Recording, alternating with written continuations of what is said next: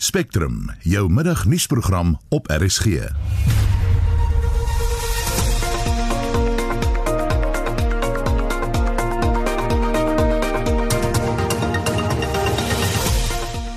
In vandag se program ons praat met 'n bokslegende oor die afsterwe van Jimmy Abbott. Die parlementêre ad hoc komitee begin met sittings oor grondonteiening sonder vergoeding. In fact, it detracts individually from the ability of one or more citizens to participate with his or her property, but without compensating them for that detraction.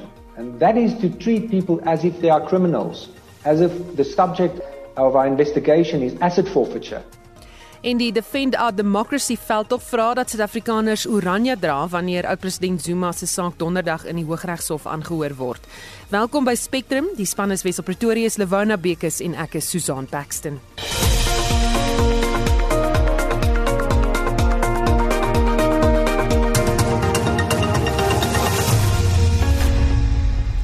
So bykans 8 minute oor 1 jy luister na Spectrum. Die voormalige swaargewig bokskampioen Jimmy Abbott is Sondag aand in die ouderdom van 61 jaar in Heidelberg, Gauteng oorlede. Ons praat nou met die bokslegende Harold Volbregt, deesdae die eienaar en hoofafrigter van die Hammer Gym in Boksburg. Goeiemiddag Harold. Goeiemiddag man. Sy boksloopbaan het in 1978 begin. Waar het jy paie gekruis? Uh jy weet uh, ek en uh, uh jy weet ons ken mekaar uh, eintlik van ek ken hom van dat hy amateurbokser was. Jy weet en uh, hy het altyd kom kyk as 'n kind wanneer hy's 'n bietjie jonger as ek. Hy het altyd kom kyk toe ek geboks het as 'n professionele bokser. En uh ja, en so het dit gegaan, jy weet.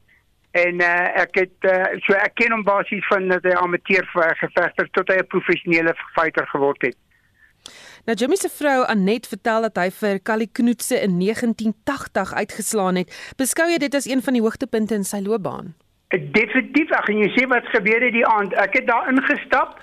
Uh, ek was ook uh uh, uh huidige Suid-Afrikaanse kampioen gewees op die op die op daai tyd. En ek het ingestap toe toe fight uh, Jimmy Abbott en Kali Knoetse. En toe ek terwyl ek kry toe stap na my seat toe, skreeu al die mense, "Hey Errol, wat gaan gebeur hierso? Wat gaan gebeur?" Toe sê ek, "Ag, Jimmy gaan hom in een ronde uitslaan." Maar ek sou al my geld op op Kaliknutse gesit het. Ek het maar net 'n grap gemaak. En verragtig, daar slaan uh, Jimmy Abbott vir Kaliknutse uit. En die mense kon dit nie glo nie. Dit was dit was hmm. en dit is waar Kali, uh, Jimmy Abbott vir 'n groot naam gemaak het. Maar hy het die afgelope paar jaar gesukkel met sy gesondheid, reg? Ja, Dit is uh, Jimmy was 'n uh, bietjie uh, jy weet uh, met die tyd was hy 'n bietjie oorgewig en dan het hy baie gewig verloor. Ek dink dit is baie gewig verloor en dan weer 'n bietjie gewig optel en so aan, jy weet. En uh, ja, en dit het bietjie moeilik gegaan met sy werk en so aan. Ook hier dan hy was 'n pastoor by die kerk en ons was nou besig geweest om 'n uh, probeer 'n uh, golfdag te reël vir Jimmy om hom te help, jy weet en uh, unfortunately it's no it's no nie meer uh, daar kan dit nie meer doen nie. Sê vir my, hoe sal jy hom as mens onthou? Uh Jimmy was 'n baie nice persoon. Jy weet uh, 'n uh, baie uh, uh, uh, respectable. Jy weet uh, uh sy sy pa was 'n moeilike persoon geweest dink ek. Jy weet en Jimmy het 'n bietjie swaar tyd gehad onder sy pa, jy weet. Hmm. En uh, en uh, ek dink dit is uh jy weet, maar uh, met die Jimmy se ouderdom toe hy ouer word, het hy uh, jy weet het hy 'n groot Christen geword, baie respek uh, en jy weet en en uh, ja, hy was 'n goeie mens. Sê vir my Harold, as ons kyk na boks oor die algemeen, jy weet watter impak het die COVID pandemie op die sport op die oomblik? Uh is is nie goed nie. Jy weet dit is baie baie sad. Uh die boksing is besig om dood te gaan uh jy weet want uh, daar's te veel slim mense in die in die in die besigheid wat uh, jy weet uh, uh die boksing kan aangaan maar die mense uh blok dit en uh, jy weet soos BSA Boxing South Africa maak dit moeiliker vir die promoters om fights aan te sit in Swan jy weet So uh, jy weet en die boksing is besig om dood te gaan. Baie professionele boksers uh, het uh, begin te werk soek en hulle gaan iets anders te doen. Hulle hulle los die boksing uit. Is hulle hulle is nie meer geïnteresseerd nie. Hmm. Het Jimmy nog enige idees gehad oor boks in Suid-Afrika?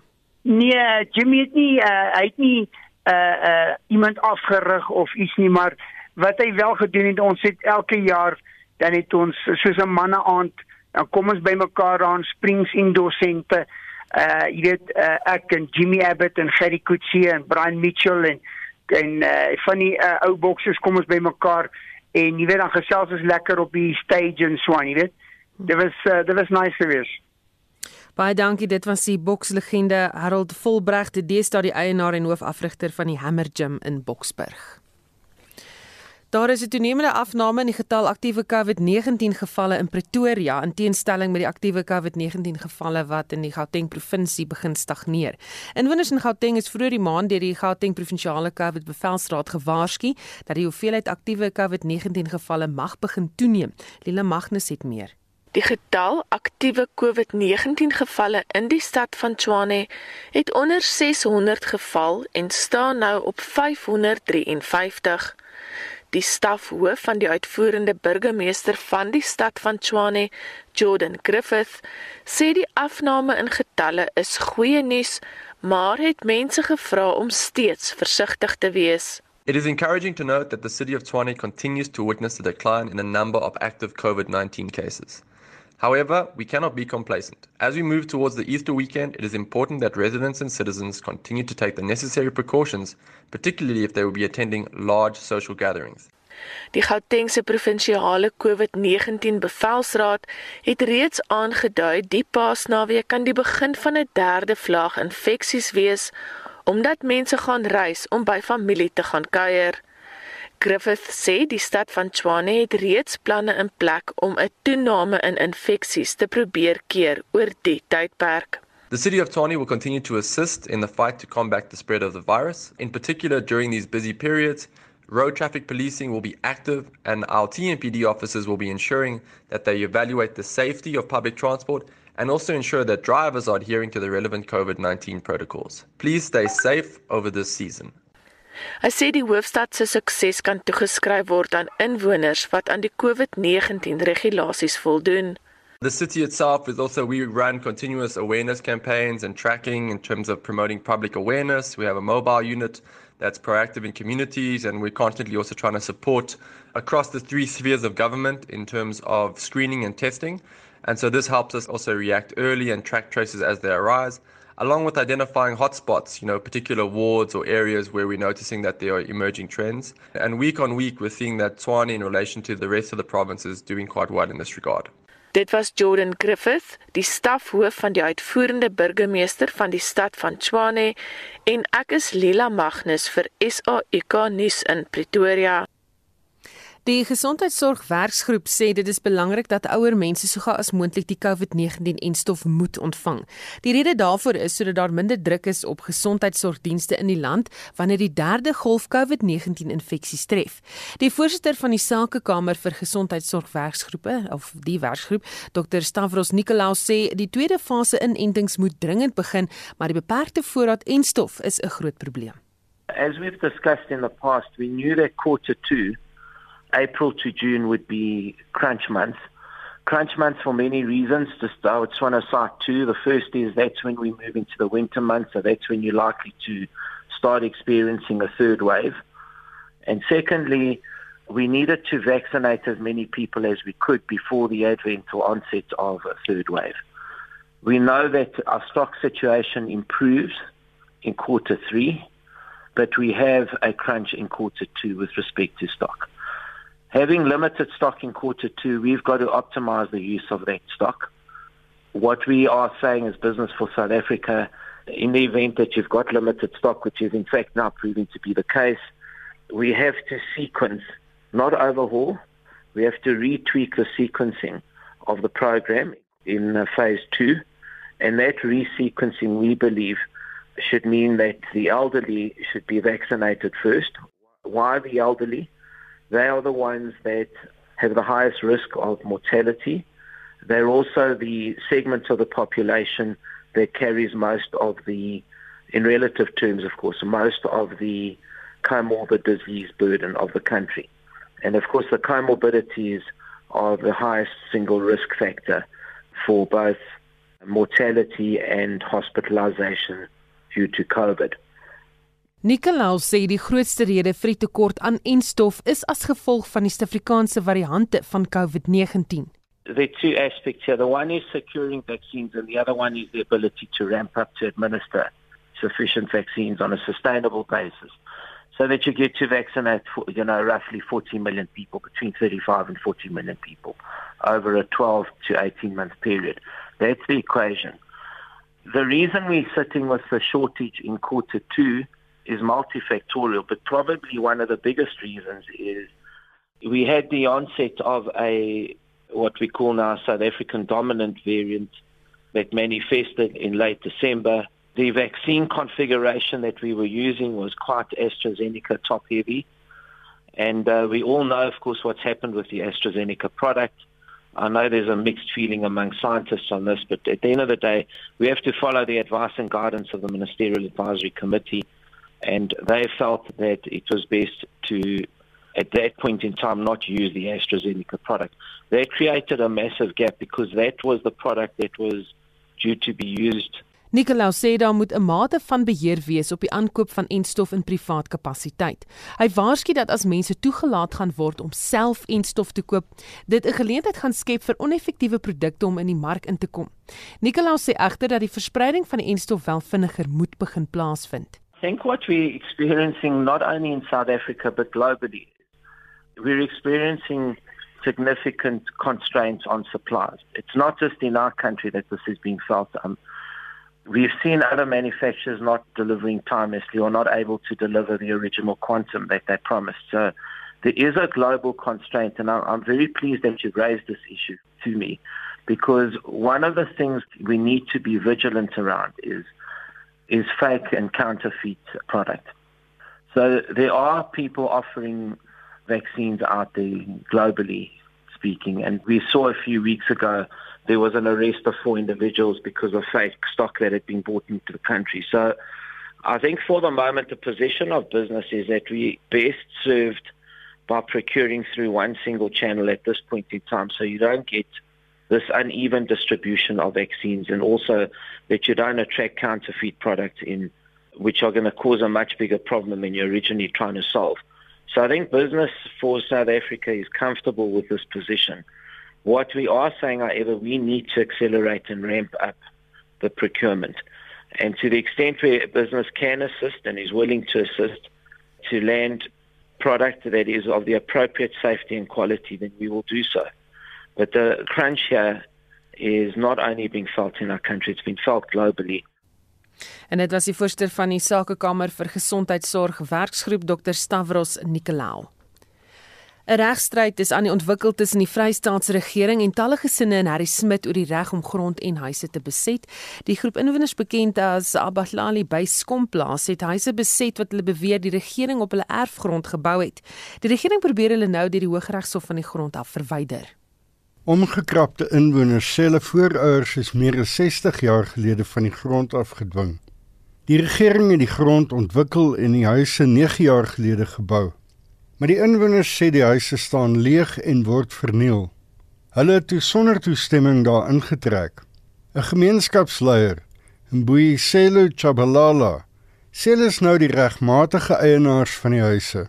We are not happy because they'll never even consult with us. This is our forefathers' land. We'll never go anywhere. We're going to die inside this uh, so-called complex because we are the we are the the children of our forefathers who are living in this area. Die huise lyk mooi van 'n afstand, maar binne is daar spoeltoilette sonder water en daar is geen elektrisiteit nie.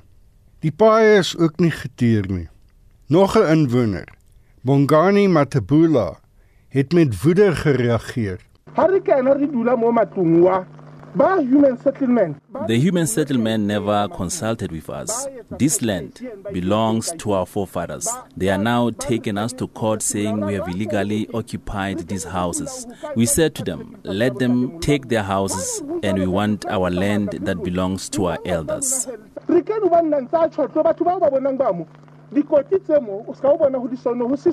Een ander inwoner Temba Glonkwane is ook kwaad.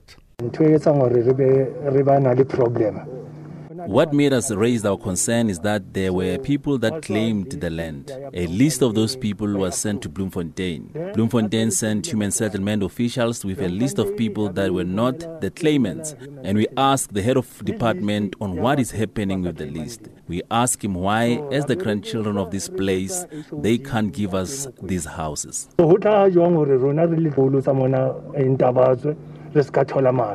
Meeste van die inwoners is in Harrismith gebore en is werkloos. Die woordvoerder vir die Vrystaatse Departement vir Menslike Nedersettings, Sene Bogatsu, sê hulle gaan voort met die uitsetting van die besetters. All processes for allocation of houses to rightful beneficiaries according to the qualification criteria were followed for both the breaking new ground housing units and land restitution houses.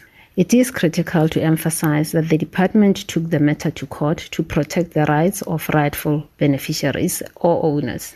We cannot allow the rights of these deserving beneficiaries to be overlooked or trampled upon through forceful occupation of these houses.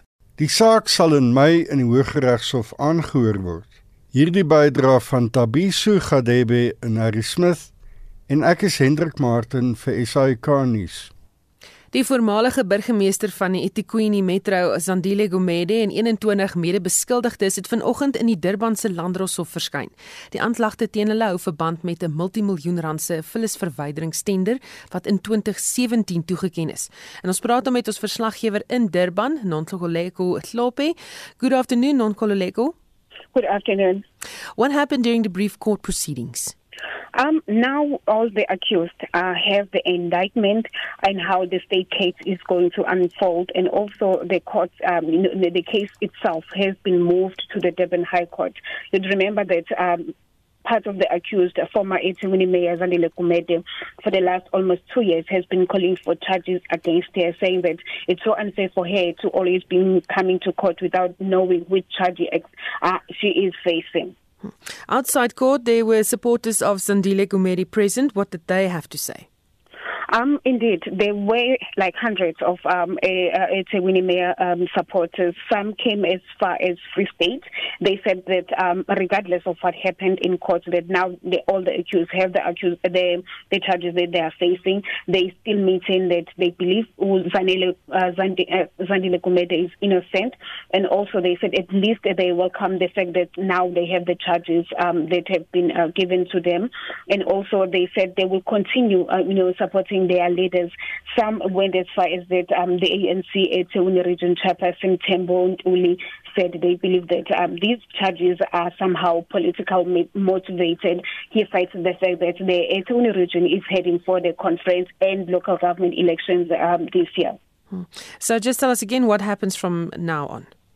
On the 14th of uh, June this year, there will be a pre-trial held at the Durban High Court, where each and every accused and their um, you know, it, uh, uh, attorneys will have a glance on what and how they will be proceeding. From there, we'll hear when this, the trial is expected to kick off. Baie dankie, dit was ons verslaggewer in Durban, Nonkululeko Slope. Die parlementêre ad hoc komitee oor die wysiging van artikel 25 in die grondwet het vanoggend met virtuele openbare sittings begin oor grondonteiening sonder vergoeding. John Estreisen doen verslag.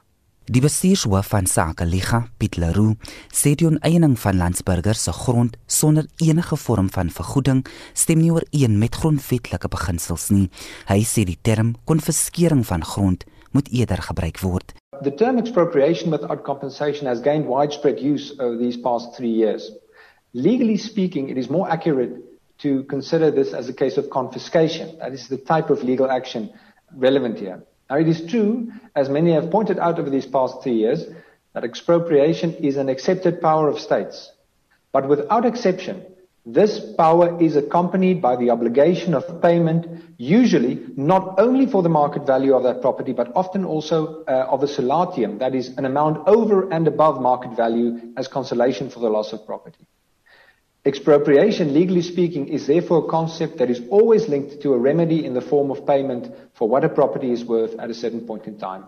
If we sever that connection between the value of the property and the deed of expropriation, then we are talking decidedly not about expropriation but confiscation. Matthew Parks van Kusatu sê die vakbondfederasie ondersteun die 18de wysigingswetsontwerp van die grondwet. It places clear responsibility upon the state. So the state cannot run away from its responsibility to advance land reform. It also provides for clear legal recourse for any disaffected party. Hy sê die onregte van die verlede moet reggestel word. It must look at the public interest. It must look at how was a property acquired. If I acquired a property in District 6 in the 1970s and I never paid compensation for that owner who's still alive, by the way. Why should I now get compensation from the state when I never paid compensation at that time? Or if I did, it was a mockery amount of two rand or whatever it was. 'n Verteenwoordiger van die Vereniging van Eiendomseienaars van Suid-Afrika, Maurice Palme, het voorgestel dat 'n nuwe klousule in die wysigingswet aangebring moet word. That would read as follows: provided that in every case where the state expropriates at nil compensation, the state has to obtain an order of court that it's just and equitable to pay nil compensation in the specific case. This, we submit, would provide adequate protection, would maintain the integrity of the Constitution. Volgens Anton van Dalsen, die regsverteenwoordiger vir die Helen Suzman Stichting, is daar 'n paar onbeantwoorde vrae oor aspekte wat nie in die wysigingswetsontwerp vervat is nie. First of all, how are decisions on expropriation going to be taken? What criteria are to be applied in these decisions? Who are to be the beneficiaries and how are they going to be chosen? Will the process be transparent? Is post settlement support to be provided to beneficiaries or will they be left to their own devices? What legal rights will beneficiaries have? Will they have full legal title? Annelise Crosby van Agri SA sê hulle ondersteun nie die wysiging van artikel 25 van die grondwet nie, maar erken dat grondhervorming moet plaasvind. If we were to change the constitution and to make provision for expropriation without compensation, that would be out of step with various internationally recognized standards, such as the so called standard of equivalence in the carrying of public burdens, which basically says that you cannot expect an individual or a particular group to bear the full brunt of something that was done in the past and that now needs to be rectified like we are doing with land. It is a it's in the public interest and it is um, a burden that needs to be carried equally by the society as a whole Dr Sibongile Velakasi van die Swart Bestuursforum sê die grondonteieningsproses moet nie 'n negatiewe impak op die ekonomie hê nie. The obligation should be no compensation. We we are really against the idea of compensating for land that was taken away from people. But we are also mindful that we don't want to see a situation where there's impact on production and, uh, in the economy. Some of the the previous speakers have also argued that we are not for a situation where we find ourselves in a position where we damage our agricultural sector for instance. Dit was Dr Sibongile Falakasi van die Swart Bestuursforum Jean Estreisen SAICanis Jy luister na Spectrum elke weekmiddag tussen 1 en 2 Dis presies 0.30 in hoofnuus in vandag se program hulde aan die bokslegende Jimmy Abbott. Die parlementêre ad hoc komitee begin met sittings oor grondonteiening sonder vergoeding. In fact, it detracts individually from the ability of one or more citizens to participate with his or her property, but without compensating them for that detraction. And that is to treat people as if they are criminals, as if the subject of our investigation is asset forfeiture. En die Defend Our Democracy veldtog vra dat Suid-Afrikaners oranje dra wanneer oud-president Zuma se saak donderdag in die Hooggeregshof aangehoor word. Bly ingeskakel. So 1335 Hoofregter Mogoeng Mogoeng weier om die groep Africa for Palestine te ontmoet dit nadat hulle hom genooi het vir 'n vergadering. Die groep het Mogoeng aangekla by die geregtelike gedragskomitee oor sy pro-Israel kommentaar tydens 'n webinar verlede jaar. Gedurende die webinar wat deur die Jerusalem Post gehou is, het regter Mogoeng Bybelse verwysings gebruik om sy kommentaar te regverdig. Drie groepe het uiteindelik klagte teen die hoofregter oor sy kommentaar gelê en gesê dit oorskry die geregtelike etiese reëls. Die direkteur van die groep Africa for Palestine, Mohammed Desai, sê dit is jammer die regter kies die roete. Proverbs 16:18, pride goes before destruction and a haughty spirit before fall. It's unfortunate that the Chief Justice has chosen, the we think, an arrogant public posture where on the one hand he is now beginning to attack the JSC, beginning to question the code, and at the same time not willing to engage on the issue. He's adding, we feel, to the divisions in society over this issue and either uh, actively allowing his supporters to portray a certain narrative, which is that the JSC code of conduct found him in violation of his, his religious belief, when in fact it didn't. It found him in violation of entering a political controversy. So we are disappointed that uh, the Chief Justice is seemingly taking this path. Die ACDP het gister voor die konstitusionele hof betoog oor die kwessie. Kenneth Meshwe, die leier van die ACDP, het die regter se optrede verdedig. I respond to the question whether he should have accepted the invitation to a tea party. My take on that is that if Africa for Palestine was serious about meeting him halfway, understand where he was coming from, they should have invited him for a cup of tea before they went public about this matter, before they gave the matter to uh, the judges to look at, because the matter is now with the judges, and it does not make sense to me that after they have said he must be investigated, then they want to meet. The right thing, if you want to quote the Bible, the Bible says if you have an issue with your brother or yeah, with a brother, go with him, go to him first that's the right thing to do. And when you cannot resolve the matter, then you get somebody to mediate. That's the pro- proper process. You do not go public, and after you are public, then you say, no, let us meet and resolve the differences. Dit was Kenneth Meshoe die leier van die ACDP. Die Defend Our Democracy veldtog vra dat Suid-Afrikaners donderdag oranje dra ter ondersteuning van die grondwet en die oppergesag van die reg. Dit is juis op die dag waarop die Hooggeregshof in Johannesburg die Sonderkommissie se aansoek teen oud-president Jacob Zuma aanhoor. Minstens 4000 mense het intussen 'n petisie in die verband onderteken. Die sameroeper van die groep besorgde Suid-Afrikaners en voormalige ambassadeur Dawie Jacobs vorm deel van die veldtog. Hy beklemtoon die mag van samewerking As Suid-Afrikaanse diplomaat onder die ou en die nuwe regering het ek van binne die stelsel gewerk vir verandering. Ek steun die 337 veldtog in my persoonlike hoedanigheid, maar ook as 'n lid van die groep van 10 wat verlede jaar die verklaring oor apartheid onderteken het. Die dra van oranje is maar net 'n simboliese aksie. Dit dui op die kleur van mense se drag in die gevangenis. Dit is maar net 'n boodskap aan die regering om te sê waarom loop so baie korrupte mense nog vry? Ons gee nou vir julle genoeg oranje oorpakke dat julle nie die verskoning het dat julle nie genoeg oorpakke het nie. Hy sê soortgelyke samewerking het reeds voorheen teen Zuma getel. Die protesoptogte teen ons voormalige president het bygedra tot sy val. Ek het aan elke optog in Pretoria deelgeneem. Daar is net eenvoudig oomblikke in die geskiedenis van elke nasie waar mense moet saam staan vir die waardes waarvoor hulle voorvaders geveg het. Ons beleef nou so 'n oomblik. Wat belangrik is is dat die 337 veldtog inklusief en onpartydig is. Die grondwet beskerm ons almal. Dis moet ons almal die grondwet beskerm. Volgens hom word die veldtog wat hoofsaaklik deur die Ahmed Katrada Stichting hanteer word, goed aanvang. Ek was gister by Constitution Hill by die geleentheid van 337 daar.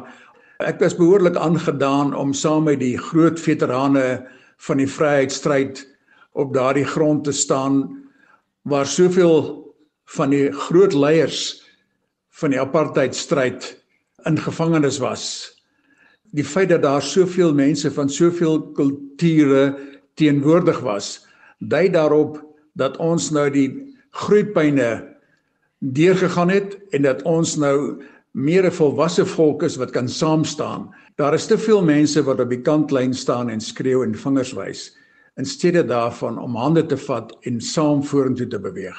Dit was Dawie Jacobs, die sameroeper van die besorgde Suid-Afrikaners beweging en 'n voormalige ambassadeur. Die Sonderkommissie vra dat oud-president Zuma tot 2 jaar tronkstraf gefonnis word vir minagting van die hof.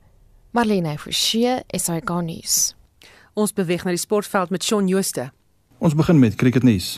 Die eendagreeks van 3 wedstryde tussen Indië en Engeland het vanoggend begin. Engeland het die lood gewen en die tuisspan ingestuur om eerste te kolf. India kan die wêreld se voorste eendagspan word indien hulle die reeks met 3-0 wen. Nieu-Seeland het die tweede wedstryd van hulle eendagreeks teen Bangladesh vanoggend met 5 paaltjies gewen en daarmee ook die reeks met 2-0 beklink. Nieu-Seeland het die teiken van 272 met nog 10 balle oor verbygesteek. Tom Latham was die speler van die wedstryd vir sy 110 nie uit nie vir die tuisspan. Dag 3 van die eerste toets tussen die Windies en Sri Lanka begin later met die Windies wat op 268 vir 8 in hulle eerste beurt staan. Hulle het 'n voorsprong van 99 lopies. En die derde en laaste wedstryd van die T20 reeks tussen Indië en Suid-Afrika se vrouespanne begin al 4. Die Proteas het die reeks reeds met 2-0 beklink en sal graag skoonskip wil maak. Laastens in tennisnuus. Die wedstrydskedule vir die week se Miami Ope is bekend gemaak. Suid-Afrika se Lloyd Harris kom môre in die eerste ronde teen die voormalige wêreldnommer 1 Andy Murray van Groot-Brittanje te staan. Die wenner meet in die tweede ronde teen die Spanjaard Roberto Bautista Agut kragte. Kevin Anderson stap in die eerste ronde teen Thiago Monteiro van Brasilië op die baan uit en die tweede gekeerde Griek Stefanos Tsitsipas wag in die tweede ronde vir die wenner. Shaun Jooste van RSG Sport. 1342 die Sonderkommissie van ondersoek na staatskaping is besig om getuienis aan te hoor wat die Suid-Afrikaanse Inkomste Diens betref. 'n Voormalige vennoot van Bain & Company, Ethel Williams, het kort voor Spectrum met sy getuienis begin. Die maatskappy word by staatskaping betrek. Marlene Forsie volg die verrigtinge. Nadat Williams sy 5 meestersgrade bevestig het, asook die doktorsgraad waarmee hy nou besig is, is hy uitgevra oor sy betrokkeheid by Bain. Hy het in September 2009 as vernoot begin werk en in 2010 is die Italiaanse sakeman Vittorio Massoni aangestel as die hoof van die maatskappy in Suid-Afrika. Williams sê hy het verskeie bekommernisse oor Massoni gehad. We contacted the London office and asked them to come and investigate what was happening in South Africa. I personally doubted Mr. Masoni's ethics. I doubted whether he was honest. I doubted whether you could trust what he was saying. I got to a point where one of my clients said to me, if you bring that person along again, Apple, we won't speak to you. Massoni was shouting at people in the office. So as a career Bain consultant, I knew the culture Bain fostered and the way we interacted with our clients and our people. And we didn't feel that Mr. Masoni represented that. So we, we asked the head of the London office to come and investigate. He then came to Johannesburg, and we were convinced that Mr. Massoni was going to be relieved of his duties, but he wasn't. The way we interpreted that was it was Bain Global basically endorsing Mr. Massoni's behavior. So much so that pretty soon after that, I chose to leave the business. Dit het in 2010 plaasgevind. In 2018 moes Masoni voor die Nugent Kommissie van ondersoek na belastingadministrasie en die bestuur van die inkomste diens verskyn. Skokkende onthullings oor vergaderings met oud-president Jacob Zuma en Bain se betrokkeheid by belangrike kwessies by die inkomste diens het Williams nie verras nie. We had raised the concerns in 2010. They are now materializing in a very negative and damaging way. So I expressed my disappointment. I basically said, in many ways, we're not surprised. But then I did offer my support, still as a loyal Bain person of, of long standing, that if there was a way I could help Bain through this crisis, I would. The second thing I did was to contact a, an investigative journalist, because I saw there was a journalist writing quite a bit about the Newton Commission. And so I offered as a former Bain partner that if I could be of any assistance, I would offer that assistance. Hy is genader deur sy voormalige vennoot by Bain, Tian Moelman, om bystand te bied om Bain se naam en beeld in die eer te herstel. Williams het ingestem op voorwaarde dat hy Suid-Afrika bo alles eerste gaan stel. Uiteindelik is hy genader om in 'n etiese kapasiteit betrokke te raak op onafhanklike basis, waaroor hy voor die Nugent kommissie getuig het en later kritiek ontvang het. If for whatever reason I thought there was a conflict or I was unhappy with what Bain was doing or how they were conducting themselves, I was free to go to a third party uh, with that concern. So when, when I see an application that then says the materials that I've gained is legally privileged, and Bain has taken great liberties, uh, I must say, Chair, with describing me in all sorts of horrendous ways, like being dishonest and being disloyal and being disgruntled and being uninformed. I obtained that information in the context of being asked by Bain to do the right thing for South Africa. That was the context in which I revealed all of that information to the Commission. So that application, that attitude that I am contravening the intent of my engagement is strange to me. Dis 'n voormalige vennoot by Bain Company Ethel Williams. Sy getuienis stuur nog voort en die minister van openbare ondernemings, Pravin Gordhan, getuig later vanmiddag. Marlene Forsie, SAK nuus. Internasionale organisasies wat misdaad probeer bekamp, waarsku dat misdadigers waarskynlik ondergrondse netwerke gebruik om 'n nagemaakte COVID-19-enstowwe handel te dryf. Die netwerke is lank gelede gevestig om onwettige medisyne te smokkel. Die pandemie woed steeds, maar slegs 'n handjievol Afrika lande het met amptelike inentingsprogramme begin. So die vraag na die enstowwe skiet die hoogte in. Groepe soos Interpol sê misdadigers trek reeds voordeel deur vervalste en eh, substandaarde enstowwe van hulle kontakte in Asië in te voer om in Afrika teen groot winste te verkoop. Darren Taylor berig. Verskeie van Afrika se grootste georganiseerde misdaadgroepe het dekades al roetes en metodes gekweek om 'n onwettige medisyne handel te dryf. Volgens 'n bron in een van Brittanje se spesiale polisie ondersoekeenhede het sekere van die groepe, veral die in Wes-Afrika, bande met van die wêreld se mees berugte georganiseerde misdaadorganisasies soos die Siciliaanse en Italiaanse maffia en die Chinese triads. Een van die gewildste medisyne wat op onwettige maniere deur die misdadigers gekry en in Afrika verkoop word, is kodeïn. Dit verlig pyn, maar dis ook verslawend. As dit misbruik word, kan dit tot die ineenstorting van organe lei en ook toestande soos skizofrenie veroorsaak. Volgens die Wêreldgesondheidsorganisasie is verslawing aan kodeïnstroop in krisis in veral Afrika. We bought on a Sunday from a company directly from the storeroom. They even had to remove the storeroom seal from it.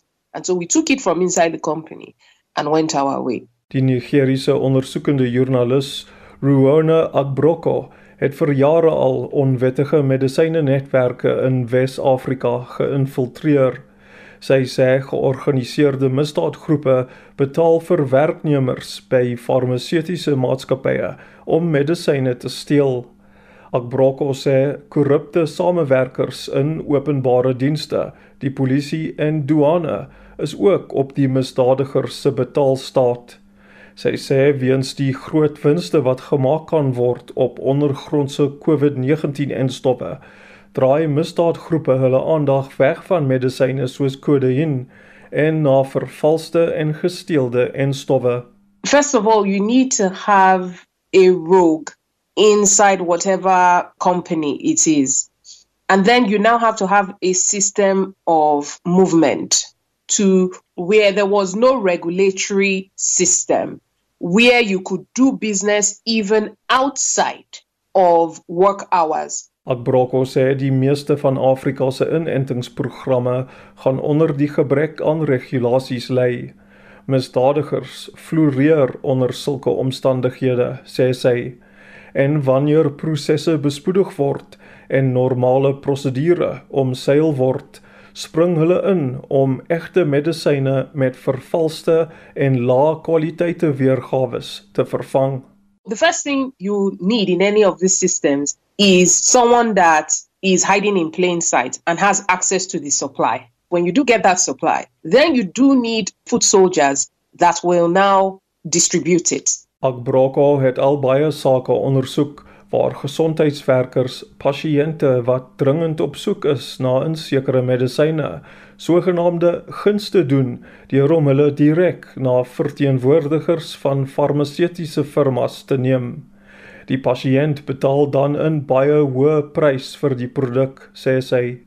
Agbroko sê in Wes-Afrika hou die misdadigers hulle onwettige medisyne by plekke wat as wettig voorkom.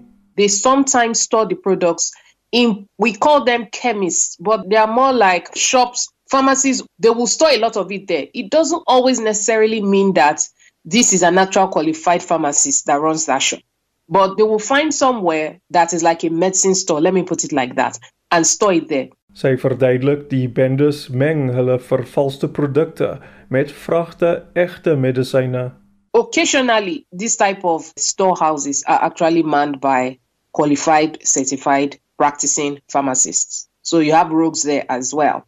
And then people can come and buy piecemeal, or those who are distributing will come and take it off from there. So we had Sy sê die misdaadgroepe se basisse is bykans altyd op die buitewyke van stede of in meer geïsoleerde dorpies waar daar minder polisie is en waar regulasies nie bestaan nie. People are very very careful with how codeine is sold or transported in Lagos. By the time you get to the border towns and the border countries, it's a free for all. Agbroko sê baie owerhede in Afrika wat sy teëgekom het, het die houding van sodra iets sleg ons land verlaat, is dit iemand anders se probleem. As hierdie houding en gebrek aan solidariteit tydens inentingsprogramme gebeur en terwyl misdadigers probeer om vervalste medisyne lande in te smokkel, sê sy, gaan baie mense in gevaar wees. Ek is Darren Taylor in Johannesburg. Die Wes-Kaapse Departement van Behuising het meer as 355 miljoen rand aan die voorkoming van onwettige grondbesettings bestee.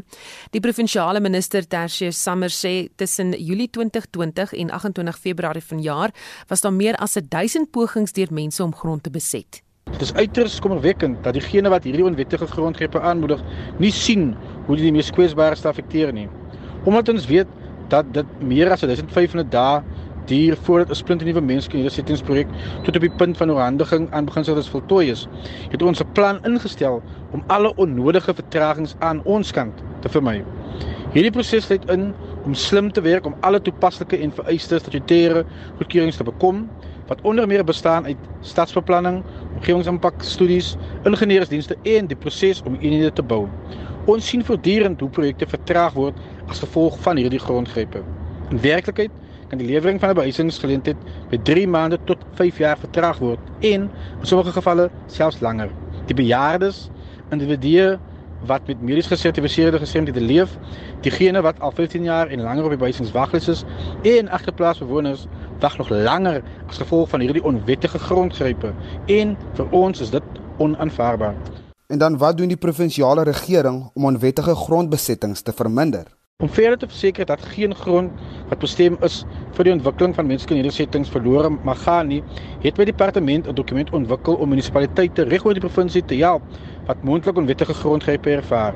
Hierdie dokument wat sekere standaard prosedures wil volg en nog met die munisipaliteite gefinaliseer moet word, poog om te verseker dat daar 'n gekoördineerde benadering tussen die provinsiale departement en munisipaliteite bestaan om vinnig te reageer sodat die onwettige pogings om die grond te gryp voorkom kan word of om die onwettige besetters wettig te verwyder. Dit is ook van kritieke belang dat ons hulp van ons burgers ontvang om hierdie onwettige grondgrepe te vermy. Hoe meer die verskillende belanghebbendes, insluitend die verskillende regeringssfere en veral ons nasionale wetstoepassingsagentskappe saamwerk, hoe meer kan ons verseker dat hierdie onwettige grondgrepe voorkom word en waar dit sou plaasgevind het, kan die onwettige besetters vinnig verwyder word in ooreenstemming met die wet. En uh, dit was Tasha Simmers, die Weskaapse minister van behuising en hy het met Winston Mofokeng gepraat. Vlede jaar is die land se verbeelding aangegryp deur die pikkewyne van die Two Oceans Aquarium wat pikkewyn alleen deur die akwarium gestap het terwyl die land in 'n staat van inperking was. Die diere was gewoond dat daar altyd mense in die akwarium was en dis moes versorgers aan nuwe planne dink om die diere te stimuleer. Maar die pikkewyne wat deur die akwarium loop, veral in Maart, is deel van 'n veldtog om bewustheid te skep oor die hoogs bedreigde seevoël. Renay Leoner van die Two Oceans Aquarium sê die pikkewyne loop steeds daagliks deur die akwarium. Brilpikkewyn getalle het afgeneem van om en by van in die miljoene in die begin van die 1900s na minder as 20000 broeipare huidigelik. Dit is 'n baie groot uh, bekommernis vir ons want dit wys vir ons dat uh, hierdie spesies aan die uitsterf en dis die enigste pikkewyn spesies op die Afrika um, kontinent en dit is iets waar vir ons um, baie verantwoordelik is. As Suid-Afrikaners is ons verantwoordelik vir hierdie diere net soos wat ons verantwoordelik is vir die ander diere wat binne in ons grense voorkom. En dan gedurende Maart fokus die akwarium op pikkewyne, ons noot March of the Penguin en ons het nie net die pikkewyne wat nog steeds daagliks tussen hulle uitstallings stap nie, maar ons het ook 'n baie lekker lidmaatskap kompetisie en ehm um, ons after 3 special in die akwarium met ons QR kodes wat jy kan volg met interessante inligting oor pikkewyne en allerlei sulke dinge. So in 2020 was pikkewyne baie belangrik vir almal wat deur die jy weet die staat van inperking by hulle huise was. Party mense het gesê pikkewyne is die heroes van 2020 en ons wil aangaan om die fokus te jy weet op hierdie diere te hou want hulle het ons hulp nodig en jy kan baie klein dingetjies doen in jou alledaagse lewe wat dan die pikkewyne sal help. Kyk altyd dat jy volhoubare seekos eet. Moenie iets eet wat nie op die volhoubare lys is nie.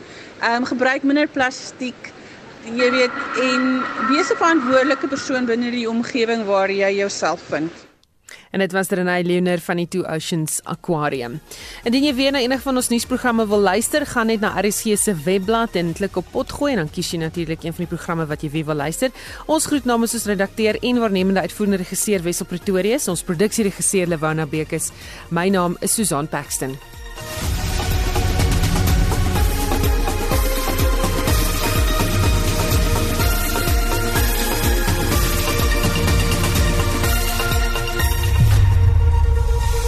SAK nuus.